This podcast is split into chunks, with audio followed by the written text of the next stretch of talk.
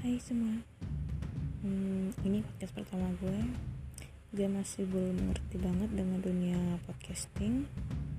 Gue mau cerita tentang hmm, Tentang apa ya? Mungkin lebih tepatnya tentang hal-hal pribadi yang pernah gue lakuin Yang pernah gue alamin Selama 21 tahun gue hidup.